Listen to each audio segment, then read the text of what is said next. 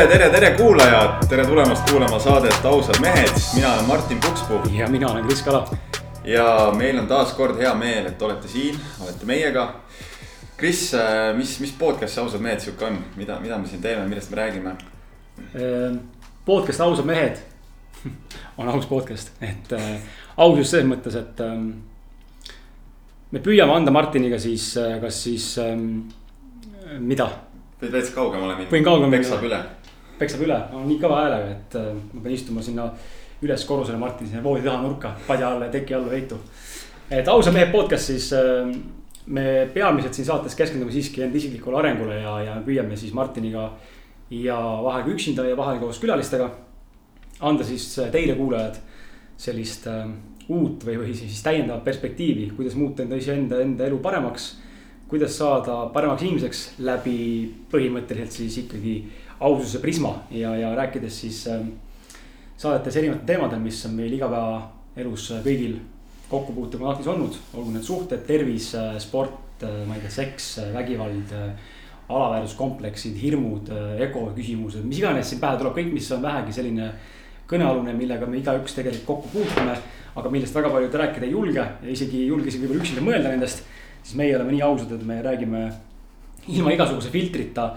Ja, ja loodame, loodame ka, et külalised siis äh, julgevad ennast aeg-ajalt meiega väga ausalt jagada. ja, ja oleme siiani näinud, et see töötab, seega see saade on aususest. Äh, või mis, Martin?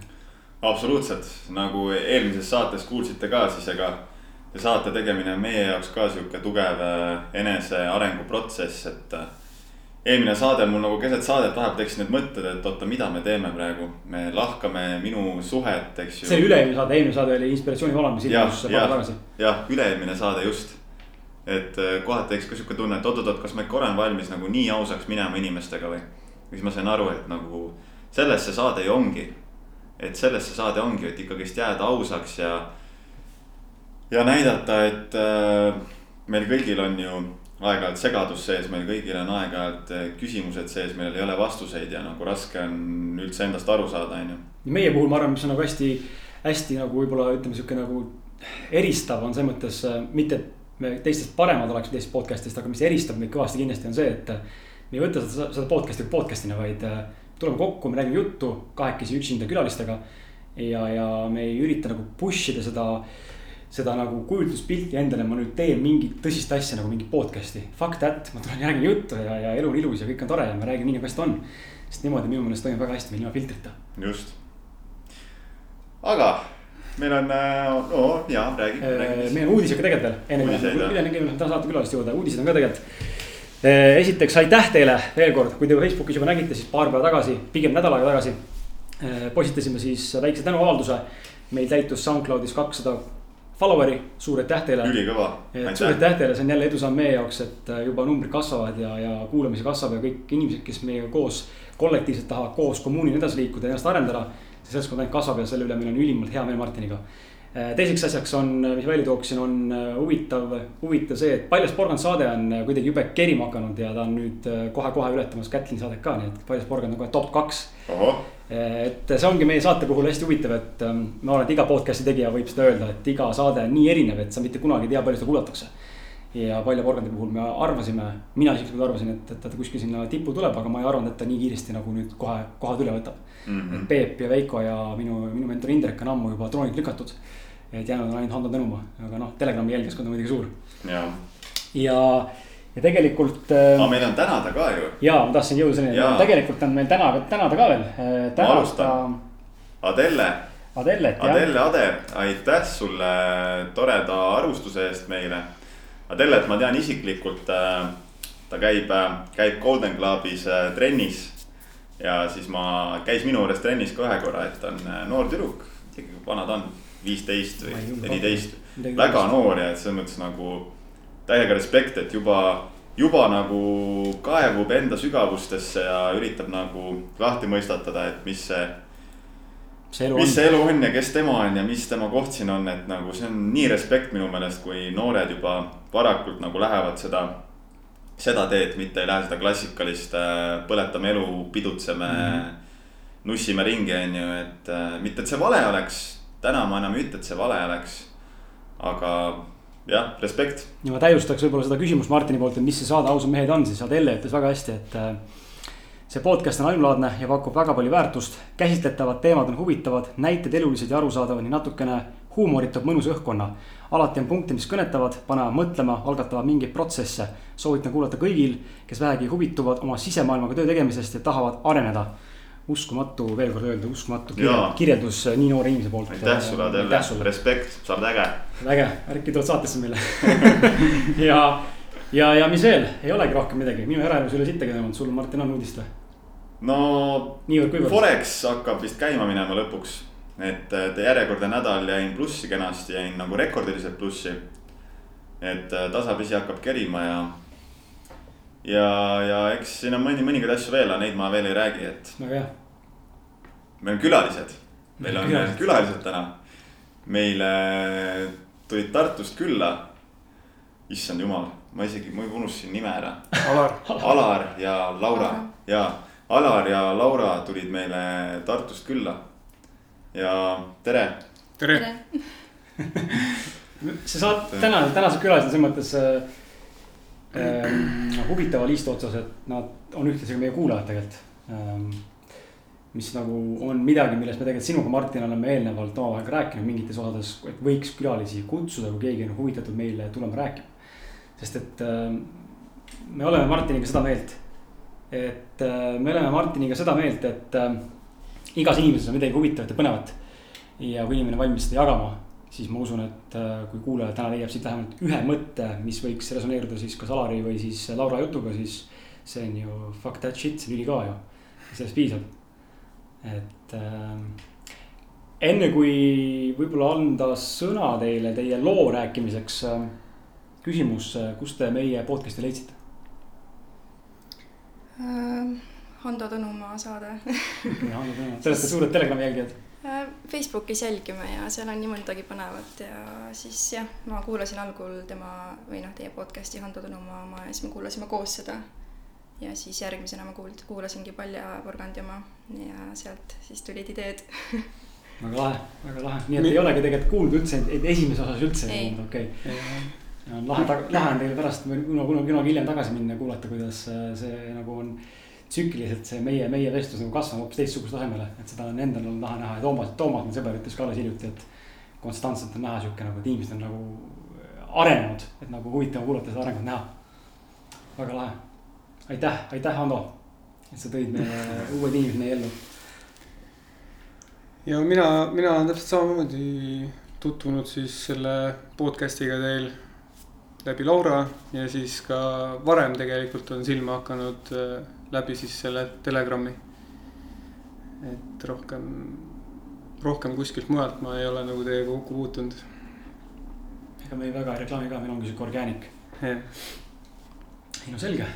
Peaks vist kõik proovima natukene kõvemini rääkima, toome üldse lähemale. kuidagi ma ei, ma vaatan, et minu hääl jääb väga hästi peale siit, aga kuidagi teistel kõigil ma vaatan, jääb sinna aga Laura ja Alar, rääkige oma lugu niimoodi täitsa vabas vormis. et äh, kust te tulete ja mis, mis nagu viis siuksele sisemise arengu teekonnale? Kust te olete tulnud ja kus te olete täna mm,? ma võib-olla alustan siis enne, et ma arvan, et ma ise pean enda selliseks äh, punktiks, kus see kõik alguse sai äh, see oli aasta kaks tuhat kaksteist. Äh, ma õppisin juuksuriks siis, et minu igapäevatöö on siis juuksuritöö, mida ma väga armastan. ja meil oli üks hästi tore klienditeenindusõpetaja, tervitused Kaiale, Kaia Tammäkend äh, kes siis näitas meile tunniväliselt ühte dokumentaalfilmi, selle nimi oli siis äh, Louise Hay You can heal your life ma ei tea, kas te olete kuulnud sellest midagi? ei ole. ei ole? ma tean, Louis Heist olen kuulnud okay.. filmist ei tea. ja ma mäletan, et sinna tuli hästi vähe inimesi kohale ja. sina üksinda? mõni oli veel. aga kui ma koju kõndisin, äh, siis ma mäletan, kuidas ma mõtlesin esimest korda, et äh, kas päriselt äh, mina ise oma mõtteid saan muuta või ma ise loon enda reaalsust oma mõtetega. ja siis ma ostsin suht kohe selle raamatu ka endale, Tervenda end ise on siis eesti keeles ja sealt ma siis, sealt hakkas selline teadlikum areng. aga segan korra vahele tervenda ennast ise, kas see siis raamatu läbi teema sümbioos või siis selle autori sõnum on siis, mis ta nagu on, külgetõmbeseadus või, või ta on puhtalt nagu enda tervendamine või ta on enda reaalsuse loomine või mõtete või mis, mis see nagu põhipoint seal on, kas ta on Secret'i moodi. või ta on midagi täitsa eraldiseisvat mingile ühele konkreetsele asjale keskendunud? ma arvan, et seal on suht kõike, et tegelikult selle autori enda story on äh, tänaseks ta on surnud, ta suri üle kaheksakümne aasta. et tema enda elu oli hästi raske. kaheksakümmend aastat suri järjest äh, üle suri siiski vist aasta tagasi või äh, jah, eelmine aasta suri, et oli üle kaheksakümne. ja lõpus ta räägib ka oma story, et konkreetselt see film ongi siis äh, ka läbi enda story, ta põimib neid asju, aga ma arvan, et seal on natuke Secreti moodi külgetõmbeseadust, äh, selleta lihtsalt ei saa, et kus sa oma fookuse paned, seda sa saad. see on hästi lihtne raamat ja ta võtab seal kõik raha, ma ei tea, pereelu, kõik erinevad teemad nagu võtab kokku ja siis ma arvan, ma jõuan äh, aastasse kaks tuhat viisteist, kus äh, minul äh, tulid igasugused terviseprobleemid, ma ei teagi, kas ma räägin praegu kohe või okei. Okay.. saame pärast süviti. või pärast süviti minna, et minu probleemid on siis seoses näonahaga olnud. Mm ma lõpetasin rasestumisvastaste plaastrite kasutamise, mida ma juba kuus aastat kasutasin, et äh, et see on juba omaette teema. ja siis minu teema on Candida olnud, pärmseen, millega ma siiamaani siis äh, olen jagelenud. et äh, võib-olla jah, pärast siis äh, äkki, äkki rääkida, jah. Äh, minu ärkamine võis algada kuskil viis aastat tagasi äkki. ja see võis olla, kui, kui ma ei eksi, siis läbi Telegrami ja mul üks sõber jälgis Telegrami nagu igapäevaselt kogu aeg. ja algul ma ei tahtnud kuulatagi absoluutselt, mis seal kirjas on või mida iganes, aga, aga lõpuks nagu mu sõber oli nagu nii järjekindel, et ta kogu aeg mulle rääkis, mis seal toimub ja mis maailmas toimub. ja siis äh, midagi hakkas kuskile nagu talletuma ja lõpuks nagu silmad avanesid nii-öelda selle maailma koha pealt ja siis ma hakkasin ka seda vandenõuteooriat ja kõike uurima lähemalt. ja siis äh, mõnda aega olingi selles lihtsalt ja, ja ühel päeval siis ma kohtasin Laurat. ja siis ma nagu enne seda olin täiesti tavaline eestlane, sõi kõike, käis pidudel, kõik selline egoistlik äh, elustiil. Äh, ja siis äh, kuskil kaks pool aastat tagasi, kui me kohtusime, siis, siis hakkas kõik vaikselt muutuma. ma nagu ise tegelikult sisimas nagu otsisin ka seda muutust, aga, aga ma nagu ei osanud kuskilt otsida seda. ja siis Laura juba oli natukene algust teinud enda puhul. ja, ja nii see areng vaikselt hakkas kasvama nagu noor oli see nagu raudne sihuke vaimne machete, millega läbi raiuda siis sellest sitast, mis on kogunenud enda sisse. võib ka nii öelda jah katalüsaator. jah, jah, et äh, ta avardas mu maailma veel enam. ja ma olin nagu avatud kõigele ja ma tahtsin kõike proovida. ja täna ma võin öelda, et äh, kaks pool aastat tagasi ma hakkasin elama mm. -hmm. ja see avatud sõna, miks ma ma rõhutaks ise ka võib-olla seda, et avatus on nagu ülimalt oluline elus, et ma ei ütle, et võib-olla ma ei, ma siinkohal ei ütle, et kõike peab proovima, pead ennast ikkagi teadma. kui siis huviorbiit näiteks ei ole, siis sa ei pea seda tegema, aga selles mõttes see sõna avatus on kindlasti väga oluline. et olla avatud muutustele, olla avatud ise arenema. jah, sa pead ikkagi kuulama nii-öelda kõhutunnet või mis sulle tundub õige või mis sulle tundub hea, noh. et just see sisemine hääl on see oluline asi, mida kuulata mitte see, mida keegi teine arvab kuskil mm. -hmm. et äh, tihtipeale või noh, minu e eelnev elu siis oligi, põhineski sellel äh,, mida ühiskond minust arvab äh,. mida noh, oligi põhimõtteliselt teiste hinnangud ja vaatenurgad, et äh, selle, selle põhjal ma siis tegin oma otsuseid ja elasin oma eluna mm. -hmm. ja nüüd ma vaikselt liigun selles suunas, et äh, elada oma elu, olla mina ise ja ma olen aru saanud sellest, et äh, kui sa oled sina ise, siis sul on maailmale ja kõigile inimestele palju rohkem pakkuda kui see, et sa oled see hall mass. absoluutselt. ja tegelikult ongi see, et äh, vahet ei ole, mida sa teed, alati antakse sulle hinnanguid, nii et äh, miks mitte siis ollagi sina ise mm -hmm. ja tehagi seda, mida sina tahad. aga vaata, kui raske on olla, vaata kui raske on olla inimestel äh, või noh, kui raske on inimestel jääda iseendaks igas olukorras, mul täna siiamaani, ma rõhutan igal pool, ole sina, jää, ole sina ise, jää iseendaks. aga mul on ka teatud olukorrad, situatsioonid, kus ma ei ole üdini sada protsenti mina ise. ikkagi kannan mingit maski, näiteks perekonnaga, mitte perekonnaga, kellega koos elan praegu, just endapoolse perekonnaga, enda isa ja enda, enda isapoolse perekonnaga, et. see on nii huvitav, kuidas kõiki maske alati, vähemalt selle iseendaks jäämise juures on nagu. ei ole mul õnnestunud veel murda.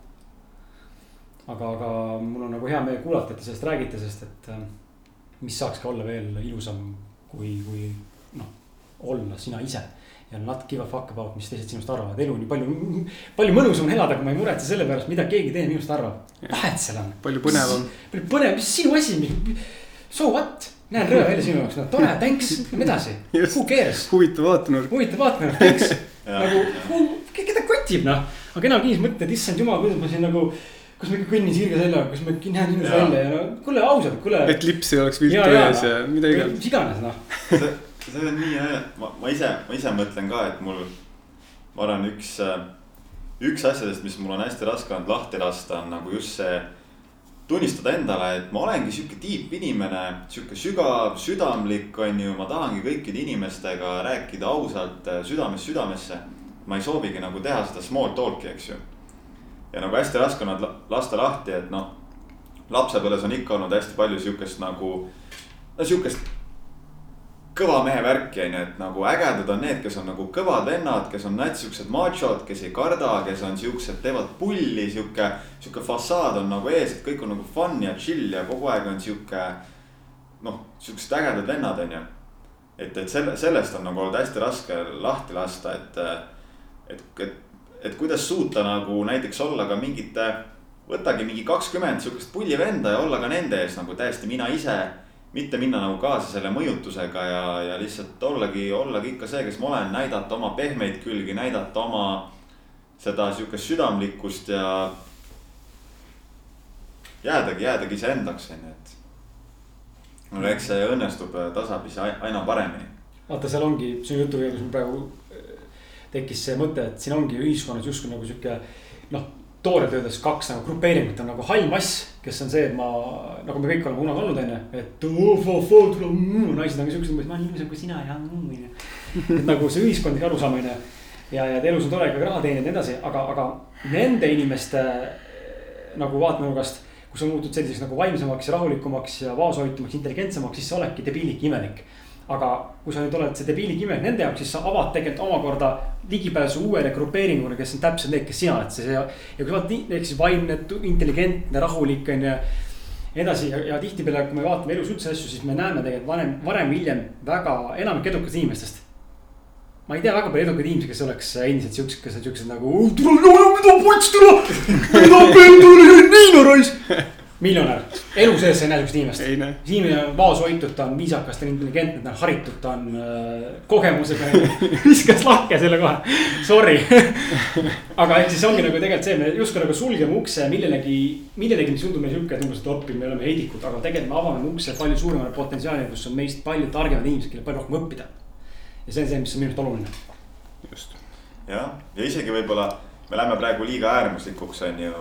sihukeste fa-fa vendadega, aga noh, kasvõi nagu see, et reeglina ju inimesed ei. nagu hoitakse seda maski ees, keegi ei, keegi ei ava, keegi ei räägi oma, oma hingeelust, keegi ei räägi oma mingi lähisuhetest nagu uuele inimesele, kellega ta alles tutvub, tutvub, isegi sõpradele ei räägita, on ju. et ma tean, ma olengi nagu aru saanud, et väga paljudel inimestel tegelikult ei olegi ühtegi sõpra, kellele saaks nagu kõigest rääkida üdinisti ausalt ja nagu just nagu see näiteks minu jaoks on kõige hirmutavam, hirmutavam, et kuidas alati nagu olla isegi, isegi uute inimestega, kellega ma tutvun, kuidas nagu olla kohe nagu mina ise, kohe aus. kohe nagu näidata, kes ma olen ja mitte hoida nagu ees mingit sihukest äh, poliitiliselt korrektset maski, on ju. et, et kui nagu jõuda sinna, kus see läheb ka eest ära nagu, siis on, siis on pinge mm. -hmm. väga palju inimesi see kindlasti hirmutab ära, aga samas ma arvan, et nagu nii palju rohkem saab äh, luua väärtust ja, ja just nagu pakkuda tegelikult inimestele tänu sellele. ma arvan, et äh, üks asi, mis nii-öelda siis seda small talk'i tekitab, võibki olla see, et äh, inimesed hoiavad oma maske ees Mm -hmm. ja siis räägitaksegi uudistest, ilmast ja nii edasi, onju. et selline pinnapealne jutt, et mm -hmm. ei saagi minna tiibimaks mitte mingit moodi mm. -hmm. Jah, pluss kõik nagu hirm on vaata, sest kui inimene ei ole näiteks ise tegelikult kunagi isegi enda sees sihukest ausat sisekaemust teinud. siis kui nüüd keegi sulle tuleb ja hakkab sulle nagu vajutama nendele punktidele, et kuule, vaata, sul on seal üks uks, mille peal on kirjas hirm. teeme selle ukse lahti, lähme sisse, onju. et siis inimest ehmatab see ära ja ta nagu, ta pigem ei suhtle sinuga, ta pigem eemaldub, kui, kui siis on ju. Pigem teeb seda small talk'i, sest et see on mugav, see on tuttav ja ei pea nagu otsa vaatama iseendale. jah, räägi, lähme, lähme suhetesse hüppame suhetesse, mind huvitab suhe sellepärast, et mina ise olen suhte fanatt. selles osas, minu arust Martiniga oli üks päev siin vestlus sel teemal, et tal on nagu, Martinil on nagu need cornerstone'id pidevalt suhtes ja see on tema üks nagu võib-olla. kas just suurimatest, aga üks suurtest õppetundidest, kus siis ja. suuta hoida nagu tasakaalus ja harmoonilist suhet. Kuulata siis ennast ja saades aru iseenda sisetundest, mis on tegelikult tõeline olemus, kes on mu tõeline partner, tahan temaga koos olla, kes tahab temaga koos olla. minu vastupidi on see sihuke, ma pimesi silmad kinni olen lihtsalt käinud niimoodi seda, et mitte pimesi, ma ei ole midagi aru saanud, vaid pimesi nagu niimoodi, et mul lihtsalt kõik voolab eh, effortlessly. mina usun, et suhe peaks olema effortless, voolab niimoodi, et sa, kui ma ütlen, suhe on täiskohaga töö. ma olen saates öelnud ka seda, ma pean suhteliselt pingutama, loomulikult tööd tuleb teha igapäevaselt. Aga, aga suhe peaks olema selline, et põhimõtteliselt sa ei pea mitte midagi tegema nii, et see töötaks. ta lihtsalt, ta lihtsalt on, ta lihtsalt kulgeb, eksisteerib. milline on teie, ütleme suhte sellised kolm ütleme jah mm,, või tegelikult okei okay,, ütleme lihtsama küsimuse. kirjeldage palun mulle teie arvates, mis asi on intelligentne armastus? sest ma kasutan seda terminit enda raamatus kirjeldamaks suhet. Mind huvitab, mis on teie jaoks intelligentne armastus ja kuidas toimib armastus teie jaoks? ja kuidas võiks toimida? äkki nagu ka soovituse põhjal nii-öelda siis võib-olla kuulajatele ja et kui ma lähen tagasi sinna aastasse kaks tuhat viisteist, siis äh, ma olen täna kakskümmend kuus aastat vana ja kaks tuhat viisteist aastat ma lõpetasin suhte, kus ma olin kaheksa pool aastat, ehk siis ma olin väga noor, kui ma sinna suhtesse läksin. ja iga suhe on erinev ja inimesi ei saa võrrelda ka selles mõttes, et äh, see, mis meil täna Alariga on, ma arvan, et seda võib nimetada intelligentseks armastuseks või kuidas see oli, intelligentne armastus. et äh, mis ma siis olin ja mis ma praegu olin, et äh, see on kaks täiesti erinevat asja, aga ma arvan, et kõige olulisem ongi ausus. Äh, ausus on number üks, äh, usaldus, need kaks on hästi põimitud omavahel. Teineteise austamine, see on lihtsalt kõige olulisem ja see saabki tulla läbi selle, kui sa iseennast austad. et eks me tõmbame alati ju ligi seda, kes me ise oleme. aga too mõni näide ise teineteise austamisest, näiteks teie puhul, kuidas see väljendub? millest see väljendub? iseenda austamisest. ehk siis näiteks mm? -hmm. Hmm. kas te olete Access Consciousnessist kuulnud midagi? Kas see on äh, Brenna Fitnessi poolt korraldatud või, või, või äh,? ma tean, et tema ka nüüd teab. tegeleb sellega selles suhtes. põgusalt oleme kuulnud, kursis ei ole. ja, et me oleme siin kuskil üle poole aasta nagu nii-öelda selle Accessi vahendeid ka kasutanud ja seal ka nagu nii-öelda õpetatakse siis, kuidas iseennast valida. et äh, meil on siin päris põnevaid seiku siin viimasel ajal olnud äh, tänu sellele Access Consciousnessile, et see Access äh, otsetõlkes tähendab ka siis ligipääsu teadlikkusele mm. -hmm ja seal on nagu erinevad vahendid, mida kasutada ja neid kasutades äh, mm, mõtlen korra ühes, meil oli alles hiljuti üks väga hea seik äh,, kus oli lihtsalt puuga näkku ja me saimegi aru, et lihtsalt sa hästi tihtipeale valid lihtsalt äh, mitte olla sina ise, kuna sa tahad teisele inimesele head ja sellega sa surud nagu enda nii alla ja teed ennast nagu nii väikeseks. aga kui sa lõpuks nagu teed need valikud, mis sulle olulised on, siis see panustab tegelikult teisele poolele ka. ma mõtlen praegu mingit näidet. me jõuamegi lõpuks jälle sinna, et ka ühiskonnas kehtib sama asi, et ole iseenna, ise nagu sa oled ja suhtes täpselt samamoodi, et äh, kui sa jääd iseendaks, siis sa panustad oma partnerile täpselt samamoodi. ja kui teil on nagu harmoonia nii-öelda koos olla mm, -hmm. siis, äh, siis tekibki see intelligentne suhe.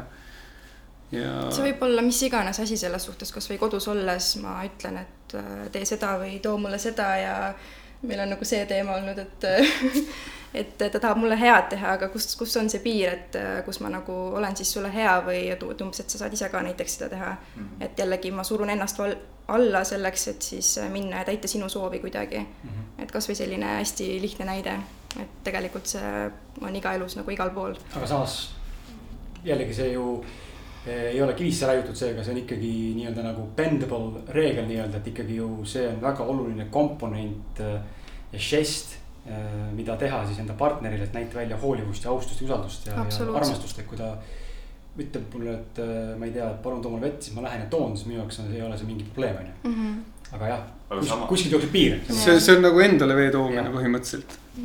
aga kuskil on jah piir, et, et ma toon nagu ehtsa näite, kus me istume koos näiteks arvuti taga, on ju. ja siis, äh, kui ta ütleb, et kuidagi vaikne on et oleks vaja volüümi panna, näiteks mingi video käib. et siis ta nagu vihjab, et, et sa peaks tegema. mina peaks tegema seda. aga kuigi ta on ise täpselt sama kaugel ja ta võiks ise teha, kuna teda häirib see, et on liiga vaikne. et noh, sellised kohad nagu, nagu näiteks. vastu, vastutuse võtmine on ju jah. tegelikult need on nii pisiasjad, aga vaata sul..., kui neid koguneb hästi palju, siis lõpuks võib plahvatada mingi asi. et ka sellistest asjadest tuleb rääkida kas teineteise austamise juures on ka ma ise tunnen nagu, et hästi oluline näiteks on see, et ähm, vanasti mul ei olnud seda nooremana siis noh, aga nüüd selles suhtes kuidagi on see olemas juba automaatselt, et. just see, et äh, aktsepteerimine nagu selles mõttes, et äh, teise äh, nii-öelda nagu valikuid, isegi kui nad on egoistlikud mingi hetkes. Mitte hukka mõista, sest et tegelikult varem-hiljem mina enda partneri peal näinud seda ja tema minu peal näinud seda, et isegi kui toimub mingisugune selline, mingi ebameeldiv valik mm mingi ebameeldiv valik, siis, äh, siis varem-hiljem me jõuame nagu realisatsioonile, et ma siin tegelikult käitusin valesti. aga lasta tal teha see asi, ilma et sa hakkaks näägutama. see tegi nii, on ju, mis su kurat, tule, Mati tule siia, on ju näiteks meil oli eelmine aasta, Alar oli aasta aega põhimõtteliselt äh, siis nii-öelda palgatöölt ära, ta oli kogunud endale mingisuguse kapitali, et siis äh, aasta aega vabaks võtta, teha oma asju. Mm. -hmm et põhimõtteliselt minu jaoks ta tegi lihtsalt seal arvutis mingit asja kogu aeg, aga ma lubasin tal olla, et ma aktsepteerisin täielikult tema valikut, sest ma teadsin, mis on tema visioon, mis on tema unistus ja kuidas sa muud moodi saad teha midagi. kuigi sa ei mõistnud tegelikult, mida ta tegelikult konkreetselt teeb seal on ju päev läbi. Äh, ma lihtsalt äh, lubasin, andsin talle selle ruumi olla, nagu teha seda, mis ta tahab teha. mul siinkohal tõmban äh, sinu jutuga kohe paralleelise näite kohalt, tõmban paralleeli kokku selle näite peale, et sa ütlesid tava, tavaelus inimesed suheldes sama teema toon nagu täiesti vastu, nagu täiesti, nagu täiesti kategooriliselt teise näite, aga samasse asja, et teineteise austamine päriselus, et äh,. sihuke näide on tavaliselt, et me oleme harjunud sellega, et inimene, kui teeb rasket füüsilist ränka tööd, siis selle eest raha küsida on normaalne. ma olen kaevanud labidaga maad onju, kõvasti, selg, kurat on küür seljas juba, olen see kuradi äh, Pariisi kellavend onju. punkspool surnud onju varsti onju, siis selle eest raha küsida on normaalne, sest inimene, teine inimene näeb, et ma olen teinud füüsiliselt tapvat tööd ma olen seda väärt aga kui ma nüüd olen näiteks äh, inimene, kes teeb arvutis tööd, on ju, kas siis nagu ma siin tegin sõbraga toitumiskava, on ju, või Martin teeb siin kellelegi treeningkava või keegi teeb siin mingit graafilist disaini või sotsiaalmeedia turundust, mis iganes veel. krüptovaluuta kauplemist või Forex, mis iganes on sul. siis selle eest nagu konsultatsiooni eest mingit ulmesummat küsida on absurd. aga ka siin tegelikult minu arust on see hästi oluline teenuse austamine. see, et sa ei mõista, mida tema seal teeb, ei tähenda seda, et ta ei ole seda väärt. ja nagu mul lihtsalt praegu kõlas see mõte sellega, et ongi, kui sa ei teadnud, mida, mida Alar tegelikult arvutis tegi, siis tegelikult anda talle nagu respekti ikkagi ja ruumi ja hingamist ja austust selle, sest usaldust. sest et järelikult ta teeb midagi, mis tema jaoks hetkel oluline. aga meile tundub, et inimestel nagu ei ole seda nagu suutlikkust nagu vastu võtta seda, et. noh, et saab ka nagu elu teistmoodi elada ja saab ka väga hästi elada, aga kui ma sellest aru ei saa, siis põhimõtteliselt see on vale. nagu, et see enda perspektiiv on nii tugevalt sisse kinnistatud inimestel tänu mingite maskide egotüüpidele. et nagu see nagu, nagu ei tahetagi üldse mõista seda, seda avatust ma ei tea, kas sa ka loogiliselt tahtsin öelda, aga. sa mõtled nagu seda, et me tahame tihti suruda nagu teist inimest enda, enda raamidesse või? no e, pead mingil määral, jah, mingil määral enda raamidesse ja, ja üritame hukka mõista, kui me ei saa aru, mis, nagu me, kui me ei mõista teist inimest, siis me üritame nagu hukka mõista või suunata. see on nagu kurb on nagu näha, ise teen ka seda suht, õnneks viimasel vähem, aga, aga ikkagi teen mõnikord ja see tuleb ju tihti ka lapsepõlvest, et kui meie vanemad surusid meid oma raamidesse kogu aeg, meie vanemad tahtsid, et me käituks mingil kindlal viisil, on ju. Ja siis me lihtsalt kanname sedasama mustrit edasi, me üritame oma partnerit äh, suruda nendesse raamidesse, on ju, et meil oleks hea ja mugav ja siis üritame oma lapsi suruda. aga jah, hea on, kui me võimalikult vara selle läbi näeme ja, ja suudame nagu murda selle mustri ja õppida laskma teisel inimesel olla tema ise ja, ja hakata ise olema mina ise, eks mm. -hmm. absoluutselt. nõus. Lähekski, tahad sa küsida? ei ole hetkel. ma suunan sind äh, sellesse, võtsid aasta võtsid vabaks. just. terve aasta. ma olin aasta okay. kodus jah. Ehm, räägime võib-olla siis sellisest äh, vaatenurgast, et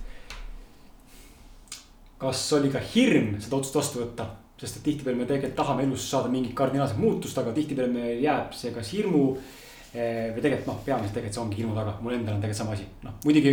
mul on, nagu ma saate alguses rääkisin, mul on omad eh, visioonid selleks aastaks on ju, et, et saaksin ka töölt ära tulla, aga samal ajal on mingi väike hirm tegelikult sees. et äkki ma ikkagi ei saa hakkama. räägi, räägi äkki sellest, mis, mis toimus sellel tundel, miks, et kas, kas sul oli mingi hirm, miks sa selle otsuse üldse vastu võtsid ja mida sa selle ajaga tegid? tegelikult äh, ma olin sellel ajal enne siis, kui ma selle aastase pausi tegin, olin Soomes ehituse peal tööl. Ja kolm kuud enne või neli kuud ennem ma sain seal enda firma kuidagi käima. mul oli üks tööline ja siis koos tegime nagu üks sõber. ja see stress ja pinge, mis oli seal sellega tööga seoses ja siis see, et ma olin eemal kodust, et me ei olnud Lauraga koos. et see tekitas veel lisaks pingeid ja siis kogu see kompott tekitas nii palju pingeid, et ma lihtsalt ei suutnud enam seal olla. ja mul oli vaja sealt ära saada. ja siis ma lihtsalt selle põhjal juba tulin lihtsalt ära. kas sa jätsid ettevõtte pausile või üldse suunas? jaa, siiamaani ei ole mingit tegevust ettevõttega ja siis ma ütleme niimoodi, et kuu aega varem enne kui ma Soomest ära tulin, äh, ma ostsin esimesed Bitcoinid endale. mis hinnaga, mis hinnaga sa ostsid? see oli neli tuhat äh, üheksa eurot okay, oli üks Bitcoin. ja siis äh, ma ei osanud tegelikult mitte midagi sellest, ma ei teadnud sellest valdkonnast mitte midagi. et ma sain ühe tuttava käest nagu nii-öelda kuidas ma ütlen, lõngakerast väikse otsa kätte ja nagu siukseid infokilde vaikselt. nii, nii kuidas ma ise suutsin talle pinda käia.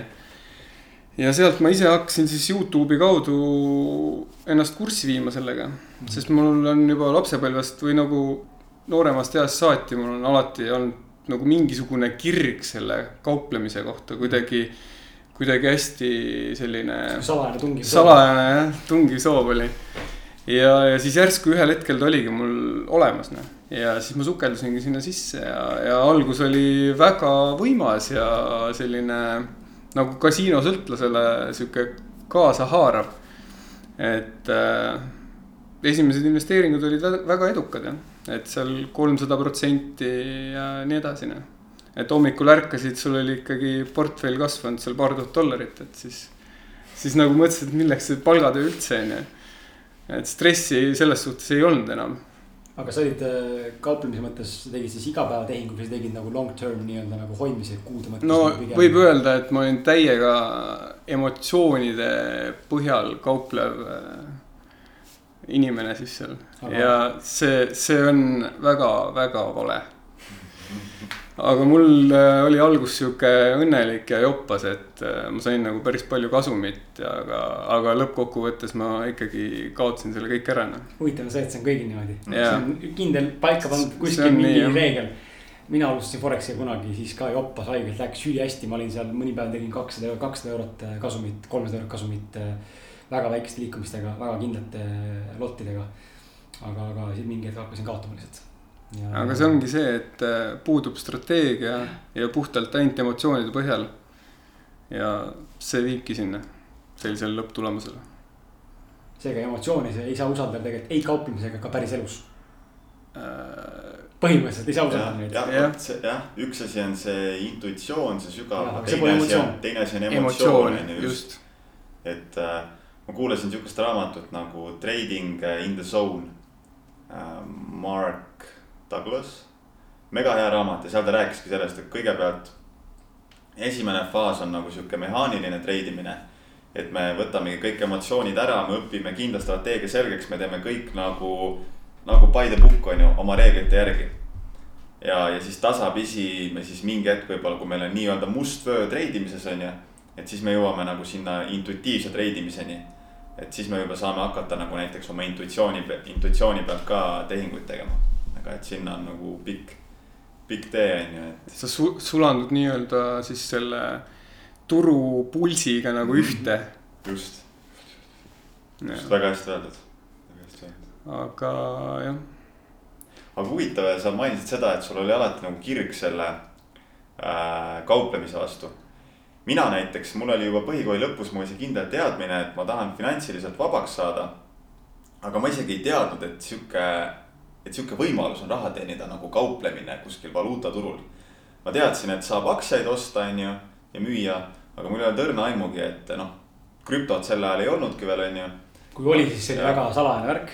aga jah, nagu Forex ja, ja igasugused muud instrumendid on ju, et nendega saab nagu kaubelda, osta, müüa, on ju, et mul ei olnud õrna aimugi ja.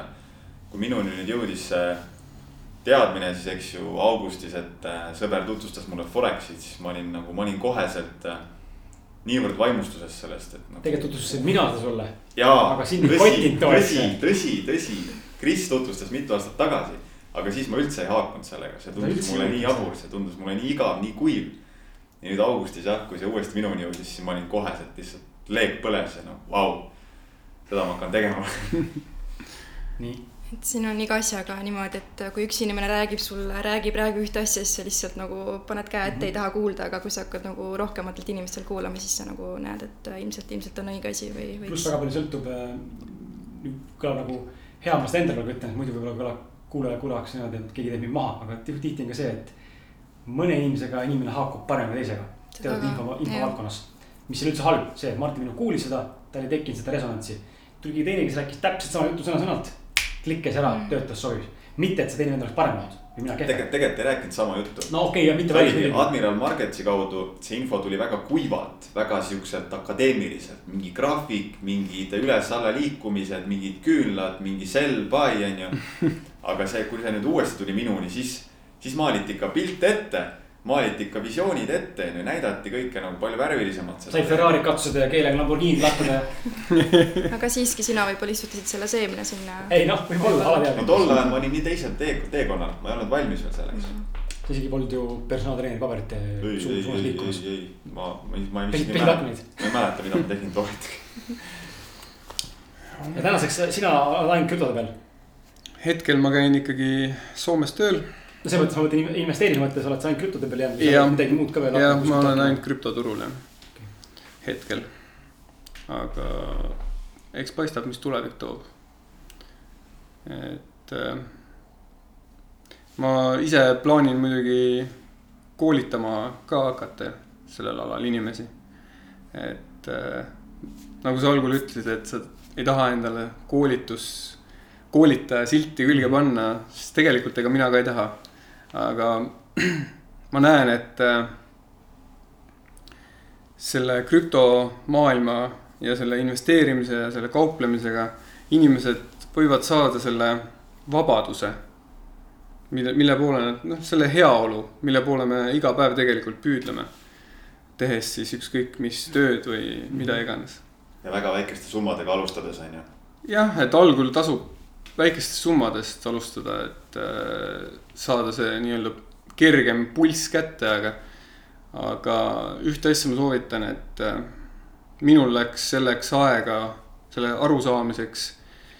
ütleme kuus kuud või nõks rohkem, et äh, minna koolitama ennast, viia ennast kurssi nagu kuidas see asi tegelikult käib, mitte emotsioonide põhjal käituda.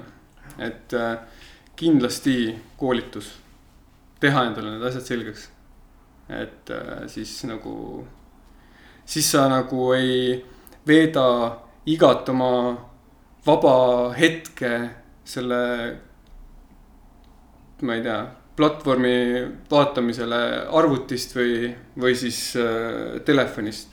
et sul on nagu oma eraelu ka, et ütleme niimoodi, et kui sa iga hetk pead vaatama telefoni, et vaadata, mis hind on, siis see näitab seda, et sul puudub strateegia. sul puudub ülevaade, mis sul toimub. puudub ülevaade, sul puudub kontroll, et äh, jah, nii on. jumala õige. Need ongi, need on, need on need päevad, kus mul õhtuks pea valutab, kui ma kuidagi kaotan ennast ära sinna turgu, et ma vaatan iga kümne minuti tagant graafikut kahtlen, oih, kas ma ikka tegin õige tehingu, kas mu analüüs ikka oli õige, kas peaks välja tulema tehingust, peaks, kas peaks hoidma. et nagu need, kui mul nüüd vahepeal tekib neid äh, hetki või päevi, siis see on nagu alati märk, et oota, pigem mine nüüd korra kõrvale, ära tee ühtegi tehingut. rahune maha, siis tule turule tagasi, on ju, Mhm. et jah mida suuremat pilti näed, seda parem on mm. -hmm. seda vähem on sul neid äh, äh, otsuseid vaja vastu võtta. ja elus on täpselt samamoodi, mida suuremat pilti sa näed, seda nagu lihtsam sul on. muidugi, kui sul on Tiht- prioriteedid paigas, siis on lihtsam liikuda elus. jah, sa näed suurt pilti, siis sa tead, kuhu sa liigud. aga kui sa lähed sinna, paned endale hobuseklapid pähe, siis sa võid lõputult raiuda elu lõpuni, jõudmata kuhugi. Täitsa lõpp, jumala kuld. see ongi nagu see, et zoom'id välja, on ju, vaatad kaugemalt oma elu, siis sa näed seda, et okei okay,, see on see suund. Senikaua, kui sa hoiad seda suunda, kõik need väiksed otsused on nagu savi, on ju, et need nagu loksuvad ise paika. et see ei olegi oluline. et seal ongi see, et äh, usalda oma tunnet. ära, ära võta endale, et nüüd ma tahan kindlalt jõuda nüüd teha, saada seda, seda, seda. et see on nagu endale vaatenurga tekitamine ja see välistab kõik ülejäänu. see tähendab seda, et sa ei ole valmis vastu võtma mitte midagi muud kui ainult seda, mida sa näed. ja ainult sel viisil. et sellepärast hoida sihukest laiemat pilti. siis äh, ja kuulata iseennast ja elu toob meile alati need asjad, mida me soovime teisel kujul. Ja absoluutselt. et äh, kui me ainult seda väikest äh, pilti vaatame, suuremalt ei vaata, siis ja tahame seda ühte kindlat asja täpselt niimoodi, siis need kõik võimalused lähevad nagu mööda meist. et kui sa vaatad kaugemalt, siis, siis tulevad need asjad sinuni ka. küsiski võib-olla intuitsiooni kohta enda, enda usaldamisest intuitsioonist rääkides, et äh, oskate äkki tuua näiteid enda eludest, mõlemad siis näiteks üks näide näiteks. kus on olnud intuitsioon äh, väga tugevalt pildis. Ja see ei ole eksinud, üldiselt intuitsioon ei eksi, aga, aga isegi kui tundub, et aju lihtsalt eksib, siis tegelikult sa lõpuks näed tegelikult ikkagi korras. aga oskate äkki tuua, oskate äkki tuua mõne ühe näite enda elust? meil on praegu viimasel ajal hästi palju seda, et et minul intuitsioon ütleb midagi, mis iganes me teeme, siis Alar tahab ikkagi mõistuse järgi või kuidagi selle loogika järgi midagi teha ja siis ikkagi on minu see tunne nagu õige. ma ei oska praegu mingit näidet, siuksed hästi pisikesed asjad mm,. aga ma mõtlen korra. no minul on hästi palju olnud selliseid, selliseid hetki, kus ma tunnen, et ma peaksin tegema ühte, aga mõistus lööb vahele mm -hmm. ja ma valin selle teise et äh, konkreetset näidet praegu hoobilt niimoodi ei, ei oskagi välja tuua, aga neid on hästi palju olnud ja neid on olnud nii palju juba, et sa, et ma hakkan juba nagu märkama neid. ja siis ma nagu olen isegi suutnud mõne õige, õigesti nii-öelda enda jaoks -hmm. valida no minul tegelikult viimane aasta on nagu tervise koha pealt hästi raske olnud ja kuhu ma tänaseks olen jõudnud, see on täielikult intuitsiooni põhjal, nagu need otsused on tulnud. et ma ei ole sellesse teemasse veel hüpanud. ma ei tea, kas te räägite veel. võib vabalt minna tervise teema üle. Lähme numbritelt, mis ei ole üldse minu teema, siis sellele teisele poolele. et jaa, et äh, kunagi varem mul oli siis näonahaga probleeme, kui ma selle rasestumisvastaste plaastrite kasutamise lõpetasin. ja tol ajal ma olin kaks aastat tegev sellises ettevõttes nagu Sinsino. vana hea Sinsino ja see, see on see, mis mind ja Larit kokku tõi, et äh, igal juhul jaa, et kuna seal oli põhirõhk sellel tervisel ja tervis ja toitumine oli nagu siis juba hästi oluline mulle kui see otsus sai vastu võetud, et sinna minna ja kui ma iga päev istusin maas seal inimestega, rääkisin, kui hästi see oomega kolm su näonahka aitab ja mul endal oli nagu näonahk siis hästi kehv, siis see mõjus mulle nagu väga-väga-väga tugevalt. ja see oligi see hetk, kus ma sukeldusin täielikult sellesse, et äh, kuidas toit meid mõjutab, mis täpselt toimub inimese kehas, kui sa midagi sööd äh,, kuidas see su mõistus, psüühikat äh,, üleüldse kõike tööd äh,, mis sõna see on kas sa, kui sa neid, kui sa neid sind sinu tooteid müüsid. piltlikult, et müüsid, eks ole, me kõik oleme teinud seda, ma olen ka teinud. ma olen kohviga müünud aga, et kas sa tol hetkel ise uskusid nendesse või sa tegelikult praegu tagantjärele vaadates julged öelda ausalt, et tegelikult sa ei uskunud, aga, aga sa tahtsid, sa panid ennast uskuma? ma tol hetkel uskusin nendesse ja miks ma selle tegevuse ära lõpetasin, oli sellepärast, et Äh, ma siiralt uskusin toodetesse, mulle meeldis inimestega kokku saada, neile rääkida toitumisest, tervisest, äh, aga jällegi see tiimiehituse pool, see ei olnud nagu minu teema, et minus ei olnud nagu sellist liidrit, kes äh, ise hakkaks tegema, et ma üritasin, ma päriselt üritasin ja ma tean, et ma nii kaua üritasingi, kuni me tutvusime Alariga ja see, selleks seda kõike oligi vaja. aga selle näokoha teema pealt äh, kuna ma igapäevaselt olin selles sees ja asi ei läinud paremaks, tegelikult kui ma tagantjärgi vaatasin, siis äh, ma ei andnud endale nagu piisavalt palju aega ka, aga lihtsalt kui sa oled selles sees, siis see tundub nagu lõputu. ja ma arvasin, et see näo, halb näonahk ongi nii-öelda minu see auk, kus ma pean ära käima, aga mul oli, mul ei olnud üldse õigus. et see tuli hiljem alles. aga ma läksin siis tookord äh, nii-öelda toitumisarsti juurde kes oli väga-väga imeline inimene, kes suunas mind holistilisse teraapiasse, holistiline nelik, mis mind äh, väga palju aitas, et tol hetkel, kui ma sinna jõudsin, siis holistiline nelik on selline põhimõtteliselt äh, neli rännakut, mis viib sind siis kas lapsepõlve, kus iganes sul need asjad juhtunud ja toimunud on, ja sealt küsitakse hästi palju igal sammul, et mida sa tunned, ja tol hetkel ma ei osanudki väljendada ennast, mida ma tunnen, et terve elu minule vähemalt hästi palju oli öeldud, et ära nuta ja ära vihasta ja mul oli hästi palju tegemist äh, just selle viha teemaga, et ma ei saanud aru, miks see viha teema kogu aeg üles tuleb, aga mul oligi just see allasurutud viha. et mõni inimene on see, kes väljendab seda tugevalt ja teisel vastupidi. ja siis ma olin nagu väga, väga sügavas augus ja kõik intuitsioon oli hästi kinni aga mida aeg edasi, siis äh, tuli see toitumine, katsetamine, hakkas liha välja jääma.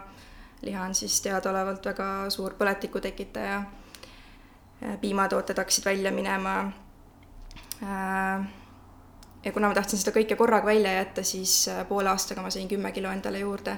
et see oli see, see aeg ka, kus ma olin selle pika suhte lõpetanud, mul oli üks teine inimene, kellega hästi ei läinud ja ma hakkasin, ma nii meeletult tahtsin armastust ja ma otsin seda ilmselgelt väljaspoolt, äh, mis on vale. et äh, see oli selline keeruline aeg. ja kui me Alariga tuttavaks saime, siis me olime mõlemad kümme kilo raskemad et tema nägi mind siis tippkaalus, selle ma sain ruttu alla tagasi muidugi ja. see oligi tänu sellele toitumisele? jaa, et põhimõtteliselt jah, kui me Alariga koos hakkasime olema, siis äh, tema oli jah, tüüpilise niisuguse Eesti toidu, toidu peal äh,, mina olin siis juba põhimõtteliselt liha oli väljas, piimatooted olid väljas äh,, kala ma siis veel sõin, muna sõin ka. no eks see ajapikku ikkagi tuli korraks võib-olla menüüsse tagasi, et äh, ikka need isud tekkisid, et see kõik on protsess, et see ei käigi üleöö, et sa nüüd täna otsustad, et äh, sa oled nüüd taimetoitlane ja liha rohkem ei puutu siis või, või kasvõi saiakesi ei söö, onju. et äh, see ei käi nii lihtsalt. jah, igal juhul näonahk läks mul vaikselt paremaks, ma tegelesin hästi palju iseendaga, mind on hästi palju raamatud aidanud. ja just siis, kui me Alariga koos hakkasime olema, me ei olnud väga palju koos olnud, kui siis mul Candida välja lõi see oli mul varem ka välja löönud. ja ma olin sellega siis kuskil pool aastat ja ma läksin tookord tagasi selle toitumisarsti juurde, kes pani mulle kava peale, toitumiskava, ma tegin seda neli kuud, ma ei, see ei allunud minu kehale. ma olin siis üks, ma ei tea, mitmesajast, kellele see, kellel see ei toiminud. ja põhimõtteliselt see arst, keda ma väga usaldasin, ütles, et tema mind enam aidata ei saa. ja siis äh, kuskil pool aastat hiljem äh, ma lugesin sellist raamatut nagu Kuidas saada iseendaks ja muuta maailma, see on ka siis sellesama Accessi äh, põhjal kirjutatud raamat. ja ma lugesin seda raamatut ja mul äh, tuli endal mingi teadmine, sisemine teadmine ja mul läks päevapealt see seen ära.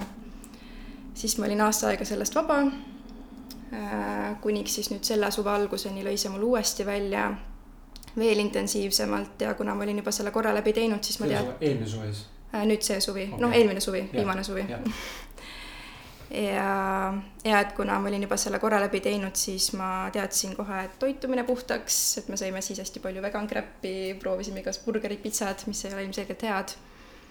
ja kuskil äh, juunist äh,, ma arvan, mingi viis-kuus kuud äh,, see oli mul väga tugevalt üleval, see pärmseen, tupeseen siis.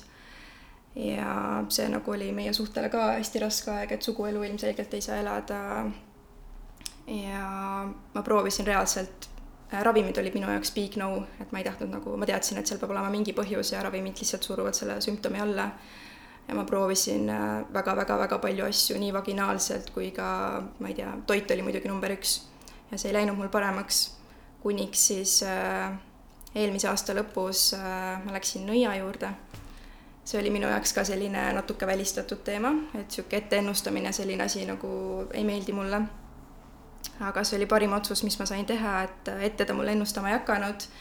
Äh, nii kui ma talle helistasin, siis äh, tema ütles, et tema tegeleb algpõhjuse ülesleidmisega ja see oli mulle juba see kuulmine oli mulle nagu niisugune kergendus, sest ma olin nii meeletult otsinud, äh, ma teadsin, et mingi põhjus peab seal olema, kuigi kõik inimesed ümberringi ütlesid mulle, et sa nagu ise mõtled selle umbes endale juba.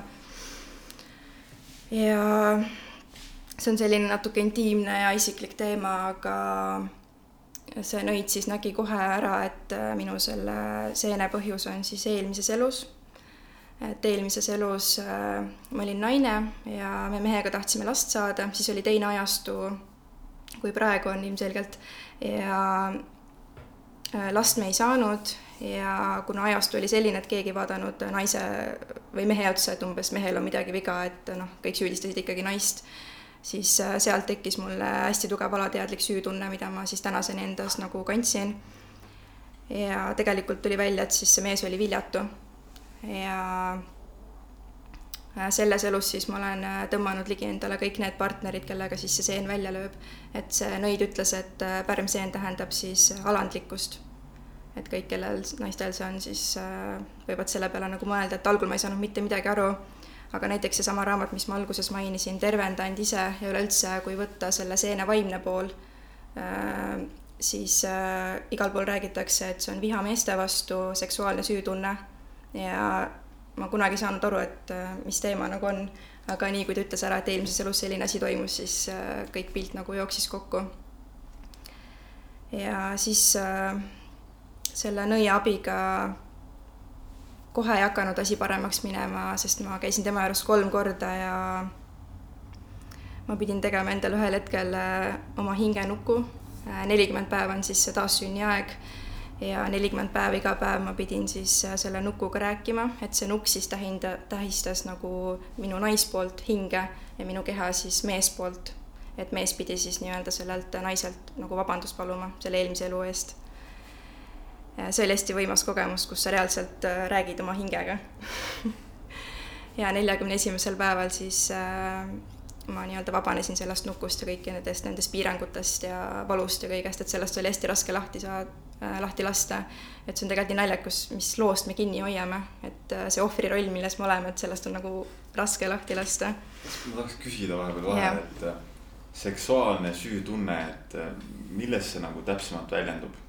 Et konkreetselt siis meie suhtes praegu näiteks, et kui minul on see pärmseen üle, üleval, siis äh, me ei saa suguelu elada, siis mina tunnen ennast süüdi, et minul on see, et ma ei saa talle pakkuda ja endale pakkuda nagu siis, mida me tegelikult tahame, et ma mhm. süüdistan ennast selles mm, -hmm. kuigi tegelikult. see võimendab seda seent siis, jah?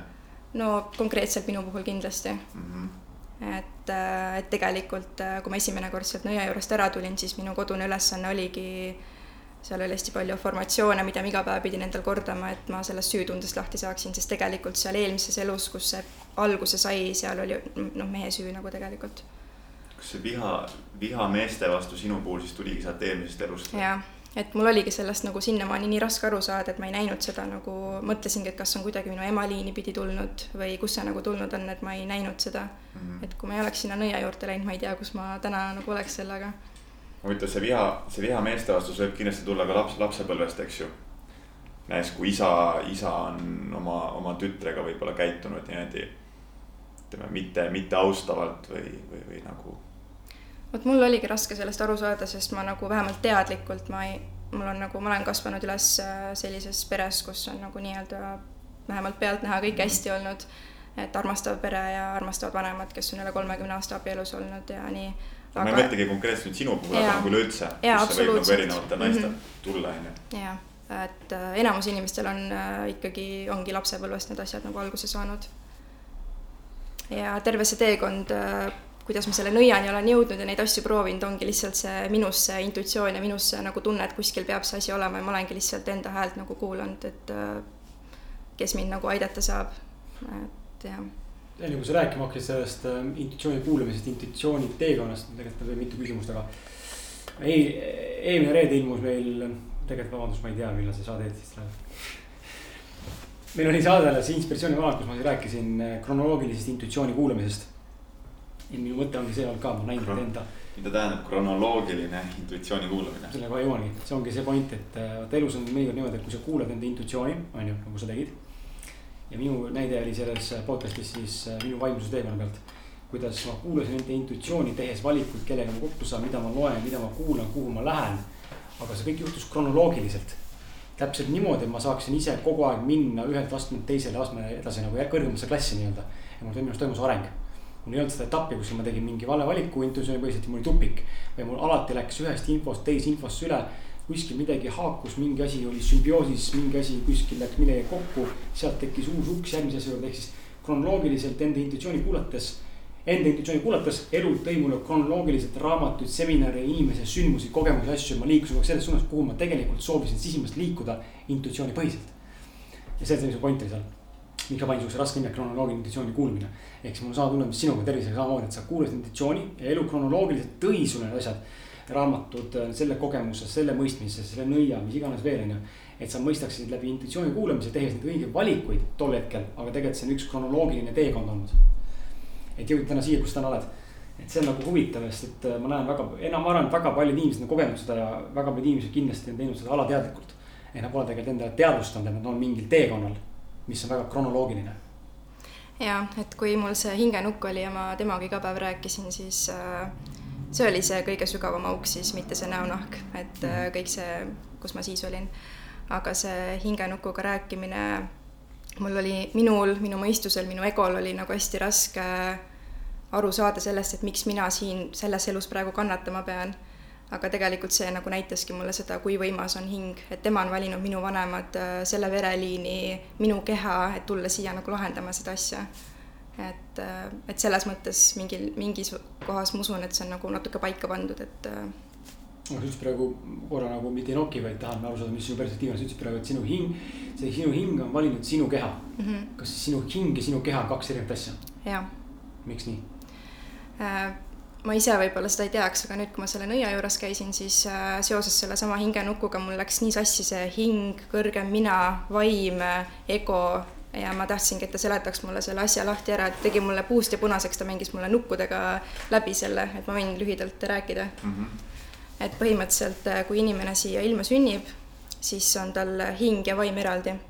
kui ta ära sureb, siis on hing ja vaim üks asi koos et äh, hästi paljud nagu räägivad, kes nagu tajuvad rohkem, näevad kas vaime või hinge, mõnikord räägivad nad hingest, mõnikord vaimust, et tegelikult on see ärasuures üks ja sama asi. ja tema seletas mulle selle niimoodi lahti, et äh, vaim on siis meie maise keha nii-öelda kuningas, ülem, meie psüühika, meie meele, meie keha siis äh, nii-öelda, kes teda siis käsutab. ja hing on siis selle nähtamatu poole ülem. ja kõrgem mina on veel eraldi seal üleval ja ego on siis meie selline kaitsekiht. ehk siis jah, hing ja keha, ma arvan küll. ka siis nagu hing on see, kus me kõik nagu tuleme ja vaim on siis vastutab selle meie nagu maise kehastuse eest siin või? no põhimõtteliselt, et selles mõttes, et kui me veel ei ole siia sündinud, siis on hing ja vaim üks, nad on üks asi. aga kui me sünnime siia, siis, siis nad on nagu eraldi ja mm -hmm. nii-öelda neil on erinevad ülesanded siis mm. -hmm et äh, ma arvan, et sellel nõial endalgi on hästi raske seda kõike inimkeelde panna, ma ei kujuta ette, kuidas tema neid asju näeb mm. -hmm. ja ma arvan, et äh, igal inimesel on oma tõde, et tema räägib seda, mida tema usub ja näeb, et äh, ma ei tea täpselt, ma arvan, keegi, mis, kuidas need asjad käivad. nagu huvitav, huvitav vaatevinkel. ja üks intuitsiooni näide mul tuli veel, teile kirjutamine see oli hullu, see oli, ma olin üksi kodus, Alar oli Soomes ja ma tulin just õhtul, meil oli üks äh, sihuke naisteõhtu hästi ägedate naistega. haige pidu, šampanjavärgid. ei, ma alkoholi ei joo ja see oli selline. ma arvan, et enamus inimesed seal alkoholijoos on selline hoopis teistmoodi. ühesõnaga, ma tulin sealt ära ja no me seal tantsime, laulame ja nutame, naerame, see on sihuke hästi vaba olemine, hästi äge olemine.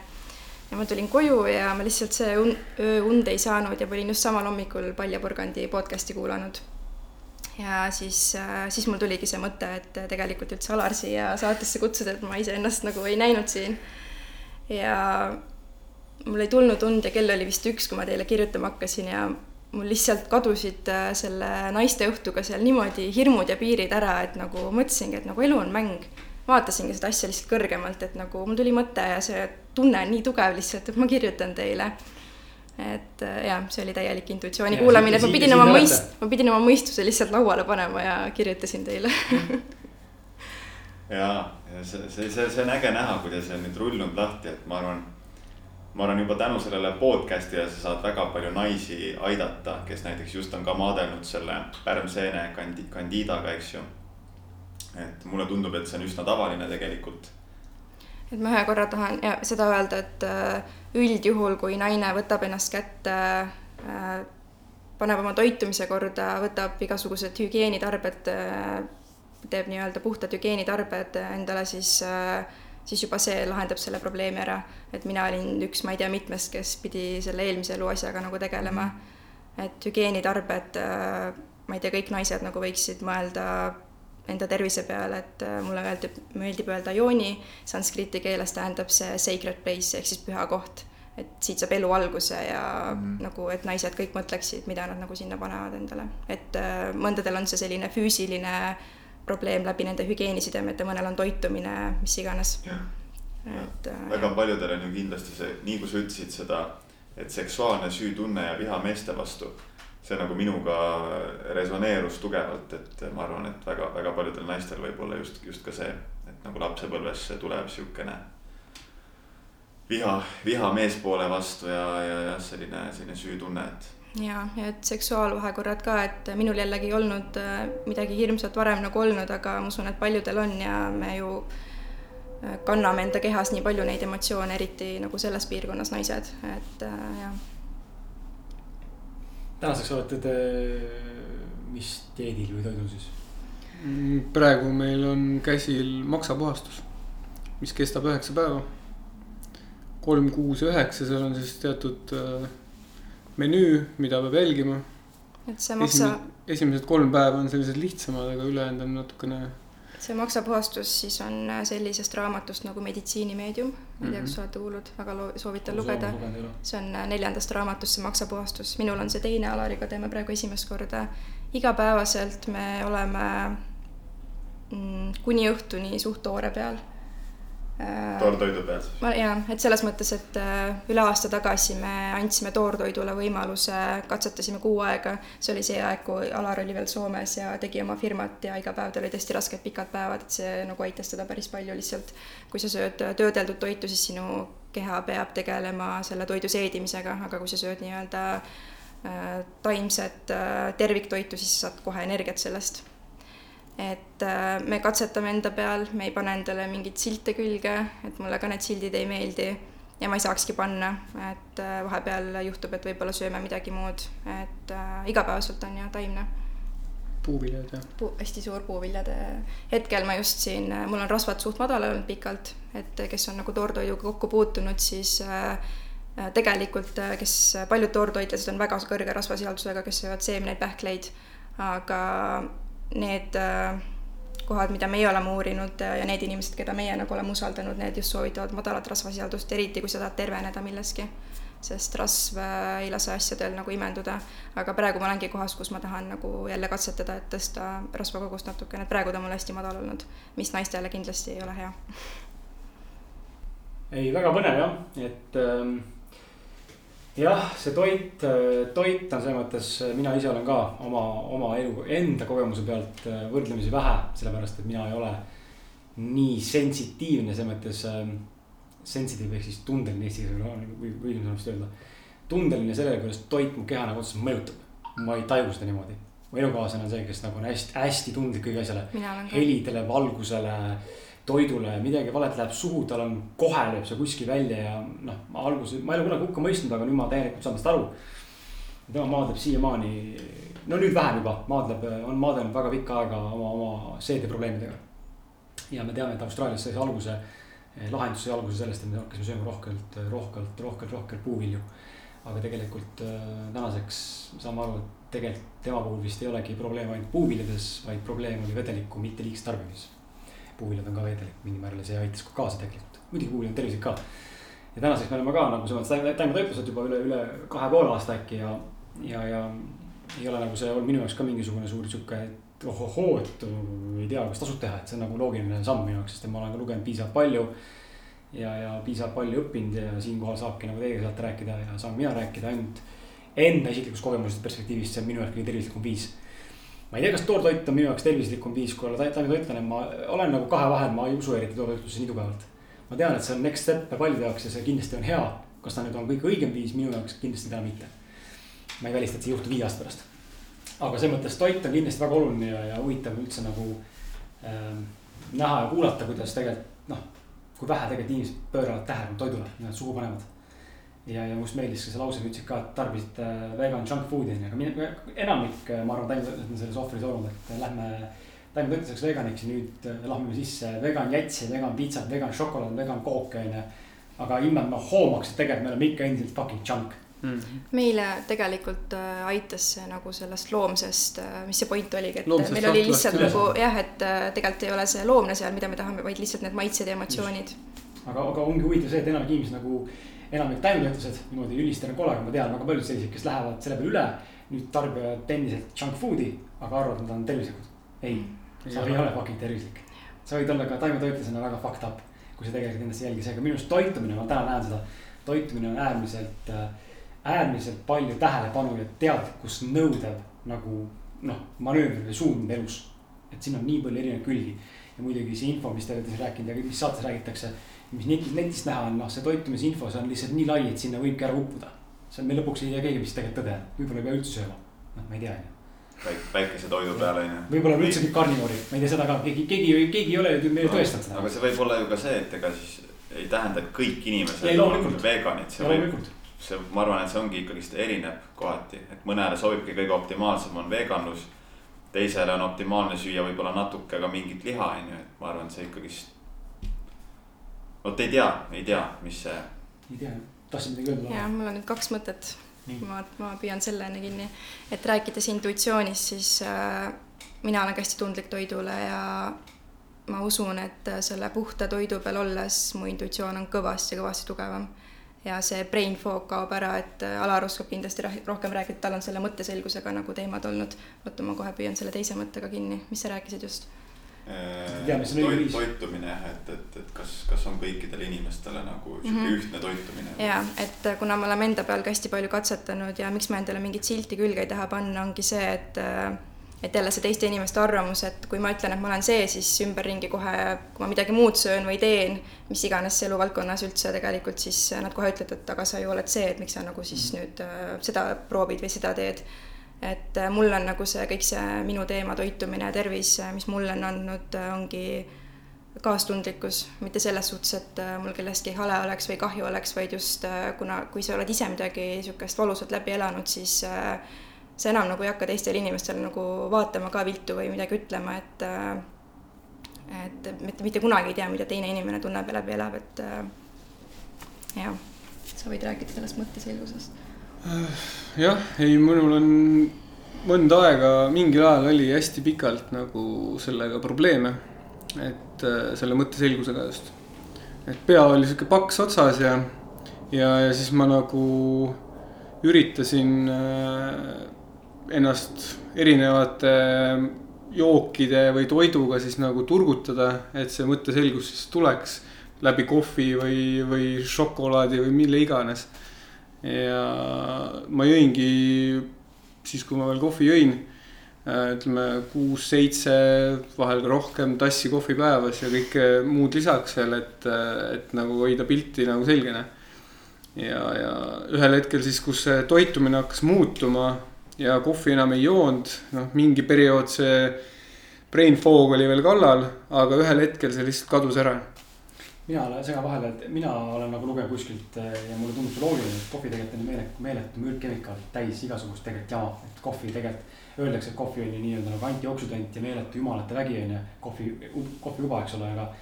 mina olen nagu jõudnud ka tänaseks selle infoni, et kohvi on meeletu mürkainete kogus ja tegelikult eh, ei tohiks üldse kehasse lasta mm. -hmm. ja, ja mis selle brain fog'i tekitaja võib veel kindlasti olla, on nisujahu või üldse jahutooted. noh, selleni olen mina nagu jõudnud ma arvan, selle kohvi puhul on see, et ei ole üks ega teine äärmustõde. et yeah. ei saa öelda, et kohvi on üdini kasulik ja ei saa öelda, et kohvi on ka mürk, et see on ikkagi kuskil loodusest tuleb jälle, onju. ma arvan, et see on kuskil seal vahepeal see.... iga inimene on individuaalne. ma arvan, et siin on see ka mängus, et äh, toit on nagu üks energiaallikas meil, et kõik sinu mõtted ja tunded ja mm. neid on nagu hästi palju, et kui sul muud asjad on balansis ja siis kohv ei tee sulle ilmselt mitte midagi, et see ongi see mina olen nagu selleni jõudnud, et kõige olulisem ei ole see, mida sa sööd, vaid mis tundega sa sööd mm.. et kui sa usud, et see sulle halb on, siis ta nii ilmselt mõjub ka, et see on, see on ka hästi suur asi. ma olen ka hästi palju mõelnud nagu seda, et ma arvan, et inimese toitumine võib olla ükskõik kui puhas, aga kui see hingetoit, nii-öelda mõtted, tunded, mida inimene igapäevaselt kogeb. kui see on nagu väga negatiivne, siis see nagu nullib ära selle toidu puhta mõju, on ju. et ma nagu tugevalt usun, et, et see on nagu tugevam ja siis tuleb toitumine mm. -hmm. siis on muidugi uni veel kolmas asi, mis on nagu jah, väga oluline. nõus. Alar, annaks sulle sõna, sest Laura sai siin pikalt rääkida tervisest, ma korraks hüppaks äh, ego, machomehe ja alandlikkuse ja siiruse ja, ja hea, hea südamliku, hea südamlikkuse teemasse, et äh, sina oled meesterahvana teinud läbi selle muutuse noh, ma olen ka, Martin ka, me paljud mehed sellised, kes on hakanud vaimseid asju uurima, on läbi teinud muutuse, aga, aga mina, Martin kindlasti võrdlemisi vähem, mul vähemalt Laura sõnul mulle tundub. no sa... minul, minul ka see, et ma, ma ei ole kunagi olnud mingi macho või mingi sihuke, keda, keda öeldakse, et oo, see on mingi kõva vend või ma olen alati olnud sihuke pigem rahulik, tagasihoidlik. pigem sihuke veits nagu soft on ju. et, et noh, see kaklemine ka juba väga noores eas vajus ära, kuna seal sain peksa, eks ju, ja siis nagu tekkis mingi isalt ei saanud mingit toetust kodus ja tekkis sihuke üleüldine plokk vägivalla ees, on ju. aga jah, mine edasi.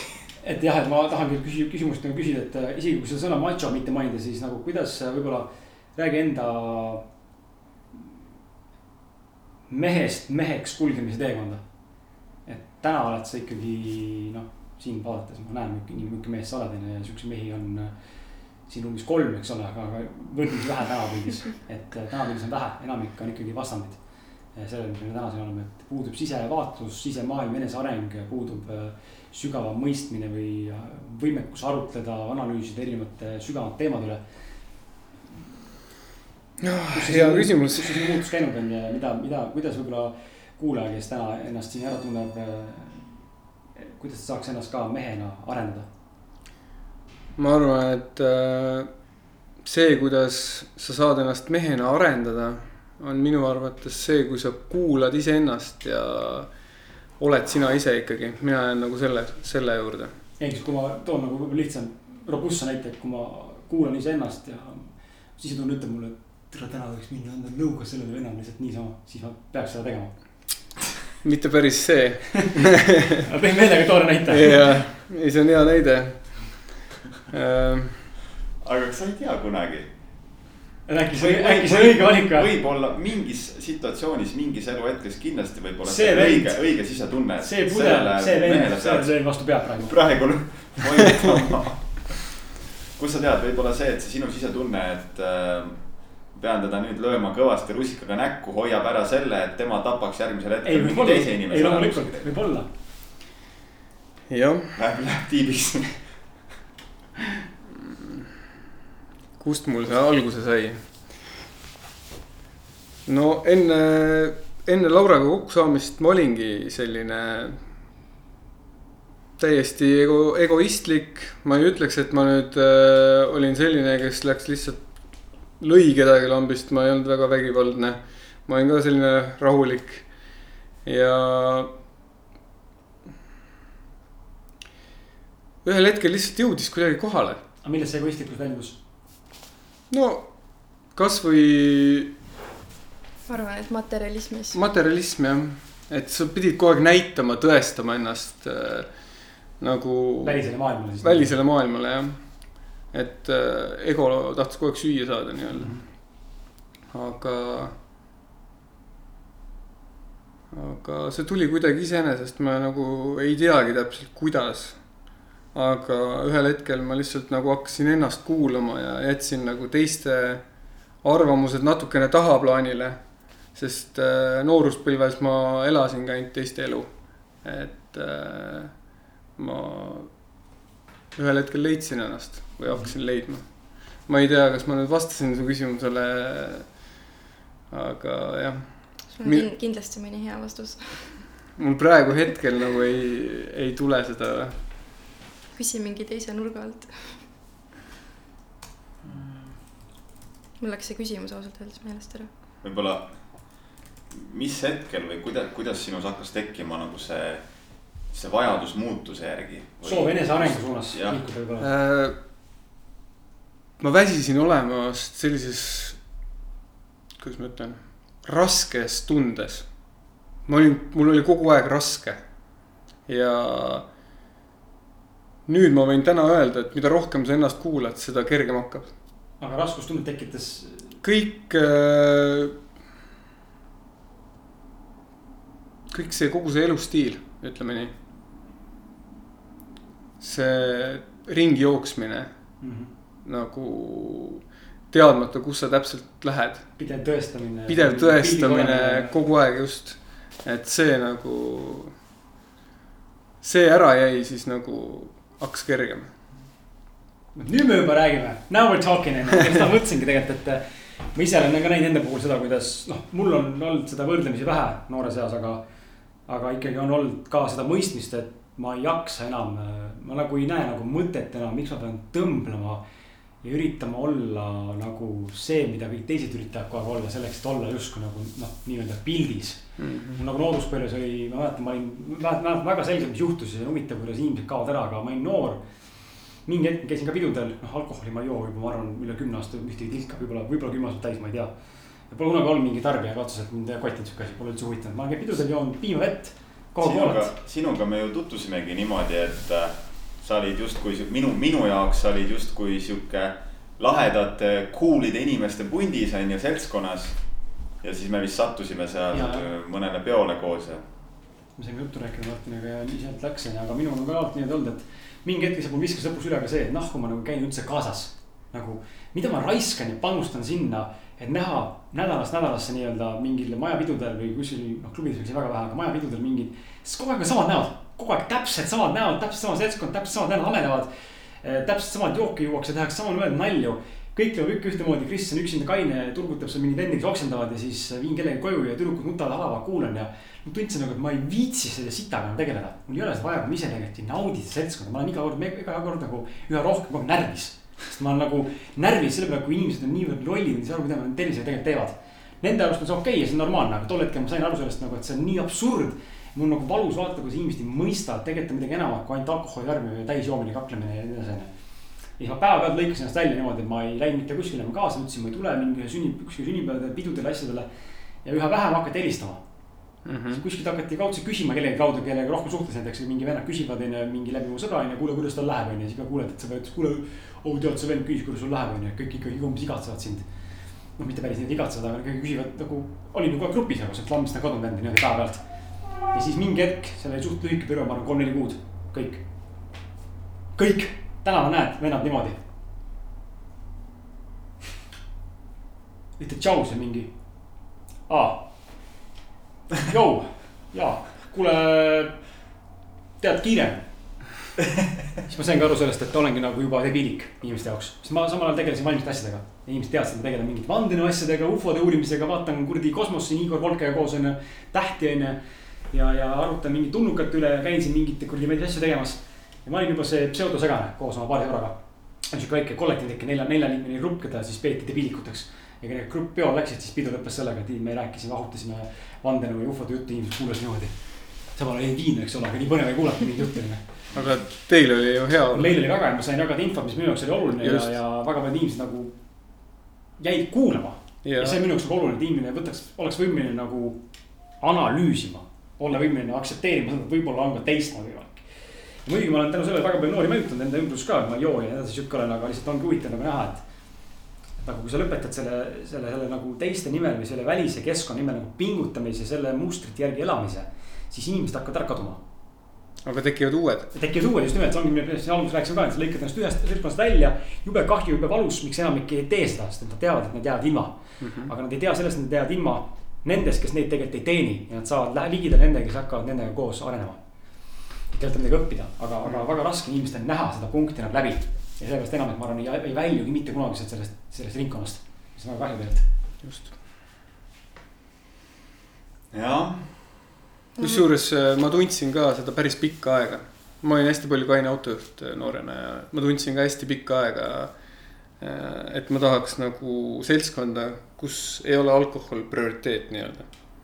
ja mul oli klassivend põhikoolist, kes äh, vist tänaseni võib-olla on korra õlut joonud võib-olla, ma ei tea täpselt, ma ei suhtle temaga väga palju. aga ma just siis nagu tundsin hästi tugevalt, mul oleks ka vaja sellist seltskonda või nagu selliseid inimesi ümber. mul ei ole nende inimeste vastu mitte midagi, kes mu ümber joovad, las nad joovad. et see on nende otsus ja nende elu.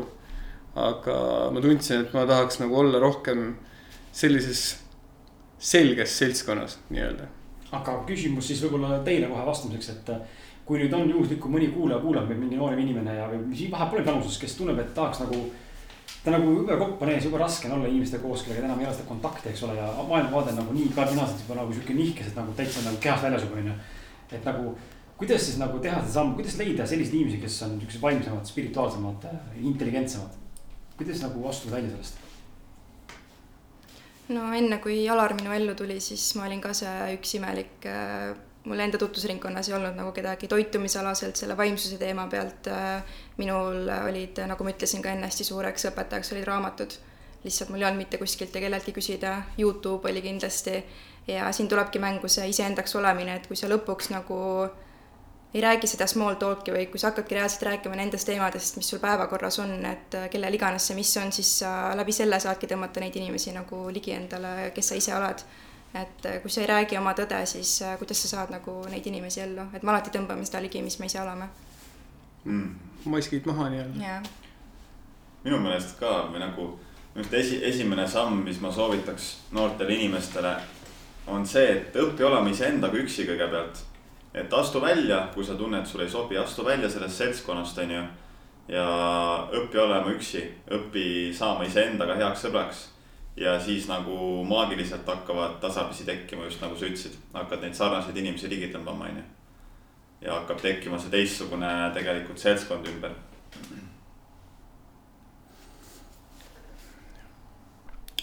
minu elus on nüüd siin äh, ütleme kolm aastat olnud hästi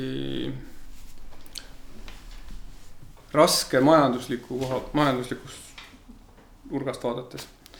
et äh, ma suutsin, ma ei tea, kuidagi endale arusaamatul viisil äh, laenud kaela tõmmata. ja see juhtus nii äkki, et see, sest ei saanud lihtsalt aru, see see ilmselt oli ajendatud siis äh, sellest, et ma tahtsin näidata teistele, mida ma tegelikult ei olnud. ja nüüd ma olen söönud seda kolm aastat, ütleme. ja see ei ole maitsev, Ei ole maitsev, et äh, mida ma sellega öelda tahan, ongi see, et äh, et äh, ärge võtke seda laenu nii kergekäeliselt, et äh, te võib-olla mõtlete küll, et teil on vaja seda ja seda ja seda, on ju, aga tegelikult, kas teil on seda vaja? Et äh, kui te käite tööl, et maksta iga kuu neid laene, siis äh, see elu kaob ära nagu. stress tekib ja sa muutud õnnetuks ja. sa ei ela, vaid sa elad. sa ei ela, sa ei ela, sa oled lõksus ja sinna meid meelitataksegi tegelikult mm.. ja palju lihtsam on äh, alustada kuskilt, nagu sa just eelnevalt algul mainisid, et äh, väikeste summadega investeerid kasvõi krüptosse. et äh, see hakkab kuskilt kasvama, proovid erinevaid valdkondi, erinevaid kohti ja see hakkab sul kasvama. ja sul on nagu kogu aeg selline vaba tunne, et sa ei ole kellelegi võlgu mm. -hmm. sa saad nagu vaikselt igal, igal pool areneda. ja sa saad kõik need asjad, mis sul sel hetkel nii paaniliselt vaja oli, kasvõi uus auto või mida iganes. sa saad need hiljem ja palju kergema vaevaga ja lõpuks võib-olla üldse sa ei pea vaeva nägema, saad need asjad. jah, see on väga oluline, väga kuldne, kuld, kulda pealt eh, mõte ja avald-, mõtteavaldus ja, ja nagu soovitus, sellepärast et ma toon nagu kiirelt kaks näidet, et. mina olen ka olnud, ma ei ole vaene inimene, kunagi olnud keskmine eestlane, sihuke kõik on kõik võimaldatud, mõistuse piires pole ära poputatud ka ega hellitatud, aga. ei ole ka rikas olnud ja, ja hetkes, kui mina hakkasin nagu raha teenima ja muid asju tegema, siis äh, minu esimesed suuremad, ütleme sellised tõesti nagu suuremad summad olid Austraalias töötades elades. seal me lõpuks saavutasime unistused onju, sain seal mingi üle kümne tuhande, peaaegu viissada tuhat eurot kontol onju, kõik oli tore. Aga ma ei ole inimene, kes kunagi nagu raiskab otsa, ma olen siuke nagu kooner veits, siuke nagu siuke nagu mitte koi onju, ma nagu annan tippi otsi igale poole ja ma hea meelega maksan, kui asi on väär, maksan, mul ei ole probleemi, aga. ma olen selles mõttes nagu kooner, ma elan nagu väga minimalistlikult. mul ei ole vaja asju, mul ei ole vaja üle, üle osta mingeid riideid ja ma ei mäleta, üldse viimati endale midagi ostsin, lihtsalt ei mäleta lihtsalt ei mäleta. mõnes mõttes kahe. ühe korra meil oli ka see vestlus, et äh, tuletasin meelde, et äh, sina ostsid mingi, ka mingi pool aastat tagasi midagi ja mina ostsin mingi riideseme viimati mingi pool aastat tagasi ja nagu ei mäleta lihtsalt seda, ei ole vaja, no tahaks, eks ole, aga, aga vajadust ju ei ole otseselt tegelikult, ma saan hakkama, noh okei okay.. ja muidugi, kui väga hull on, loomulikult ma ostan, ole nagu koondane, aga. aga mis nagu Austraalia õpetas mulle oli see, et. et nagu kui ma kui mul on see vaba raha, siis nagu siin saate alguses rääkisime ka, siis see, see turvatunne tekib, et mul on võimalus see raha kas kuskil investeerida. lihtsalt on see kõrvale pandud mustriks päevadeks, näiteks teha valik, ma tulen töölt ära, mul on mingi puhver, mille pealt elatada on ju, hakkama saada. ja, ja kõige suurem kogemus, mis mulle just meeldis, ongi see, ma olen ka alati olnud seda meelt, et mitte võtta mingeid asju järemaksega, laene ega mingeid muid kohustusi. okei okay,, kui on mõnikord tõesti väga tungiv soov, siis jumala eest tee seda, kui sa endale hakkad valetama niimoodi, ei ma ei võta, mul ei ole vaja tegelikult, siis on siuke tunne nagu. iga olukord on erinev. iga olukord on erinev, ennustab ausalt on ju, kui sa ikkagi tunned, see teeb su õnnelikuks praegu, siis no okei okay,, okei okay.. kui sa suudad ära handle ida, siis tee seda, aga üldiselt inimestel ei ole seda vaja, üldiselt emotsionaalne. ja mida ma nagu näinud olen, ongi see, et mulle meeldib ka elada niimoodi, et mul on nagu kohustuste vaba elu, nii mõnus on ja eriti, kui veel on kogutud ka raha, on ju, et isegi kui inimene praegu meid kuulad, siis isegi kui see investeerimist, investeerimist ei huvita, on ju, mis on tegelikult väga hea asi, kui investeerida kuskil, mille pealt saab ka passiivselt midagi teenida, kas aktsiad või krüpto, mis iganes. siis pane kasvõi kõrvale sobisahtlisse. ja mida õpetas mulle näiteks eelmise aasta talvel olev reis, kus me läksime peaaegu seitsme-kaheksa tuhande euroga, läksime kolmeks kuuks autosse elama Lõuna-Euroopasse. meil oli reaalselt null, null kulu, see oli nagu see eriti tipphetk. et polnud ei mingit üüri, ei telefoniarve, ainuke asi ja bensiin ja toit mina elasime autos ja see oli, see oli, see oli see, mis tekitas mulle selle fantastilise vabadustunde, ma sain tunda. mis tunne on elada niimoodi, kui ma teen täna seda, mida ma tahan, ma olen, kus ma soovin. ma magan, kus ma tahan, ma söön, mida ma tahan, ma ostan siis, kui midagi soovin ja tahan. ilma, et peaksin vaatama, palju mu pangakontol raha on. ei vaata mitte kordagi selle kolme kuu jooksul pangakonto jääki nii-öelda. jah, aeg-ajalt kontrollisin igaks juhuks, me oleme omaga eelarves, me tahtsime läbida mingisugune peaaegu kaks riiki on ju. aga üldiselt oli see usaldus ja teadmine, mul on fucking piisavalt. ja see oli nii hea tunne ja see on see, mille suunas ma täna nagu samamoodi liigun, sest et äh, see on see, mis loob selle tunde. ja mul on piisavalt ja ma arvan, kui sul on tunne, et sul on piisavalt, siis sa võid hakata investeerima. ja, ja ma arvan, kui sa sellise tundega investeerid, teed mingit asja, olgu see krüpto või forex või mingi muu asi, siis sul läheb hästi. sest sul ei ole seda hirmu enam, et ma nüüd kaotan. sest investeerimise põhireegel, mis tavaliselt öeldakse, mis mulle ka selgeks saanud, investeeri ainult rahaga, mida oled nõus kaotama. kui sa ei ole nõus kaotama, siis sa oled ju kramplik, sa oled ju kinni emotsioonides. et igal juhul äh, nii oluline on see, et sa oleksid, tunneksid vabalt ennast ja selle krüptoga kauplemisel ka, et, et, et kui sinna turule nüüd siseneda, siis kindlasti äh, mitte siis panna seda raha, mis sul läheb nagu igakuiselt elamise peale. see peab olema sul täiesti Eraldi nagu emotsioonideta raha raha, mida sa oled valmis kaotama. ja just, et äh, vastasel juhul, kui sul on see mingi elamise raha, siis sa lihtsalt kaotad selle seal ära ja parem pane see sinna elamisse, kui sinna kellelegi teiselt, teisele Nii. inimesele taskusse. see on nii naljakas kuulata seda kõrvalt, sest et nagu me ei ole mitte keegi meist ei ole nagu otseselt investor ja me ei saa, kõik, mis me täna siin investeerimisteemadel räägime, jumala eest, ärge meid nagu võtke nagu. ja ei, see ei ole investeerimissoovitus. ainult enda kogemust saab rääkida, mis on huvitav nagu tähele panna, et kui ma vanasti olin väga kitsi. Ka näiteks Foreksi puhul mäletan, panin sisse kümme eurot, tehing läks lahti, sendid kukkusid, mul oli kohe sihuke nagu. paanika. mida fuck'i viiskümmend senti miinuses. ma läksin üleeile või nädal aega tagasi läksin, panin viissada eurot Ripperisse, et nagu teha mingi tehing. mul täi pohh lasta olla see praegu miinus, mul läks kinni kogemata stop loss'iga tehing, kaotasin viiskümmend dollarit, so what. Enda eksimus läksin eile uuesti sisse viiesajaga, ehk siis nagu taas tehing on ju, siis ma läksin kogemata sinna stop loss'i vastu. aga ongi nagu, et nagu nii pohhui on see, et see lummavarju kõigub seal. So what, ma tean, kuhu ta läheb lõpuks jah, nagu mul ei ole isegi hirmu, et see on viissada eurot, see on päris suur raha tegelikult, aga mind ei kõiguta enam see. ja ma ei ole mina. See ehk siis see shift tegelikult ajab ikka tegelikult ikkagi toimib, kui sa endaga teed tööd kogu aeg. just ja hakkad sellest raha nagu kramplikkuses nagu lahti laskma. mm. -hmm. põhimõtteliselt võiks ju viiesajaga perset pühkida ka ju. kui me pole kokku leppinud, et see on, sellel on väärtus. Jah, paberil jah., olematu number. kõik on tegelikult ikka perspektiivis kinni, lõpuks jõuame ikka kõik selleni jälle, kõik on tegelikult ju perspektiivis ja meie mõtte, mõtteviisides, mõttemustrites kinni. Kui sa võtad seda mänguna, siis see muutub palju kergemaks.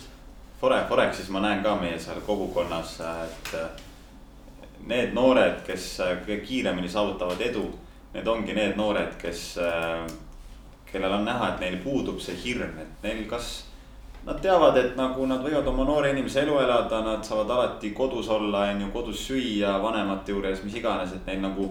Neil ei ole seda survival, seda hirmu no stress on ja, lihtsalt. ja siis nad hakkavad seda õppima, oh lahe on ju, pumm, hirmu ei ole, võtavad seda mänguna ja ongi aasta pärast on neil sada tuhat kontol on ju. et aga noh, meil siin on ju, meil on kõigil see survival, see hirm on ju ja siis nagu võtab kauem aega, et nagu Mhm. õppida mänguna seda kõike võtma on ju. just. reeglid paika, siis on ja kui sa suudad nendest kinni pidada, siis kaovad emotsioonid ära ja, ja siis saavutad edu ka. Äh, Laura, kolm, ütle palun mulle või koos mulle kolm äh, sammu, kuidas hakata täna liikuma tervisliku eluviisi suunas. Te ei pea dikteerima selles suunas, et inimesed oleks kindlasti täiendtoitlane, aga kuidas hakata teadlikult toitumist jälgima, mis on kolm sammu, millest võiks alustada? tunnen, et nagu hästi vastik on enda kehas olla, midagi on sitasti. noh, mingi füüsiliselt tuleb midagi välja, eks ole, nahk korrast ära äkki on akne või mingi muu asi, olen ülekaaluline või, või rasvunud või mis iganes, nõrk või jõuetu või mina mina võin öelda nii palju, et äh, hakake lugema raamatuid. sest et äh, kui sa seda loed sealt raamatust, siis sa nagu võtad seda palju kergemini omaks, kui keegi tuleb sulle ütlema, et tee nii või tee naa. Et mina leian, et raamatud on üks, kindlasti üks sihuke stardipunkt. kuigi kirjanikud tegelikult ju põhimõtteliselt ka oma raamatust dikteerivad tee nii ja tee naa, aga Jaa. sa võtad ikkagi seda lihtsamalt. jah, sa võtad ikkagi kui nagu enda avastust nii-öelda. eriti hea, kui kirjanik suudab teha seda niimoodi, et ta ei tee seda niimoodi etteütlevalt Jah. dikteerivalt. Peep Pain oskab seda väga hästi teha, et soovitan tema raamatut lugeda, kui lugeda ja eriti viimast keset elu. ta kirjutab, kirjutab, kirjutab väga hästi seda. niimoodi, et nagu ta justkui ütleb, et tee nii, Mm -hmm. aga samas ta nagu ütleb seda väga hästi niimoodi, et sa saad aru tegelikult, et see on mu enda valik ju.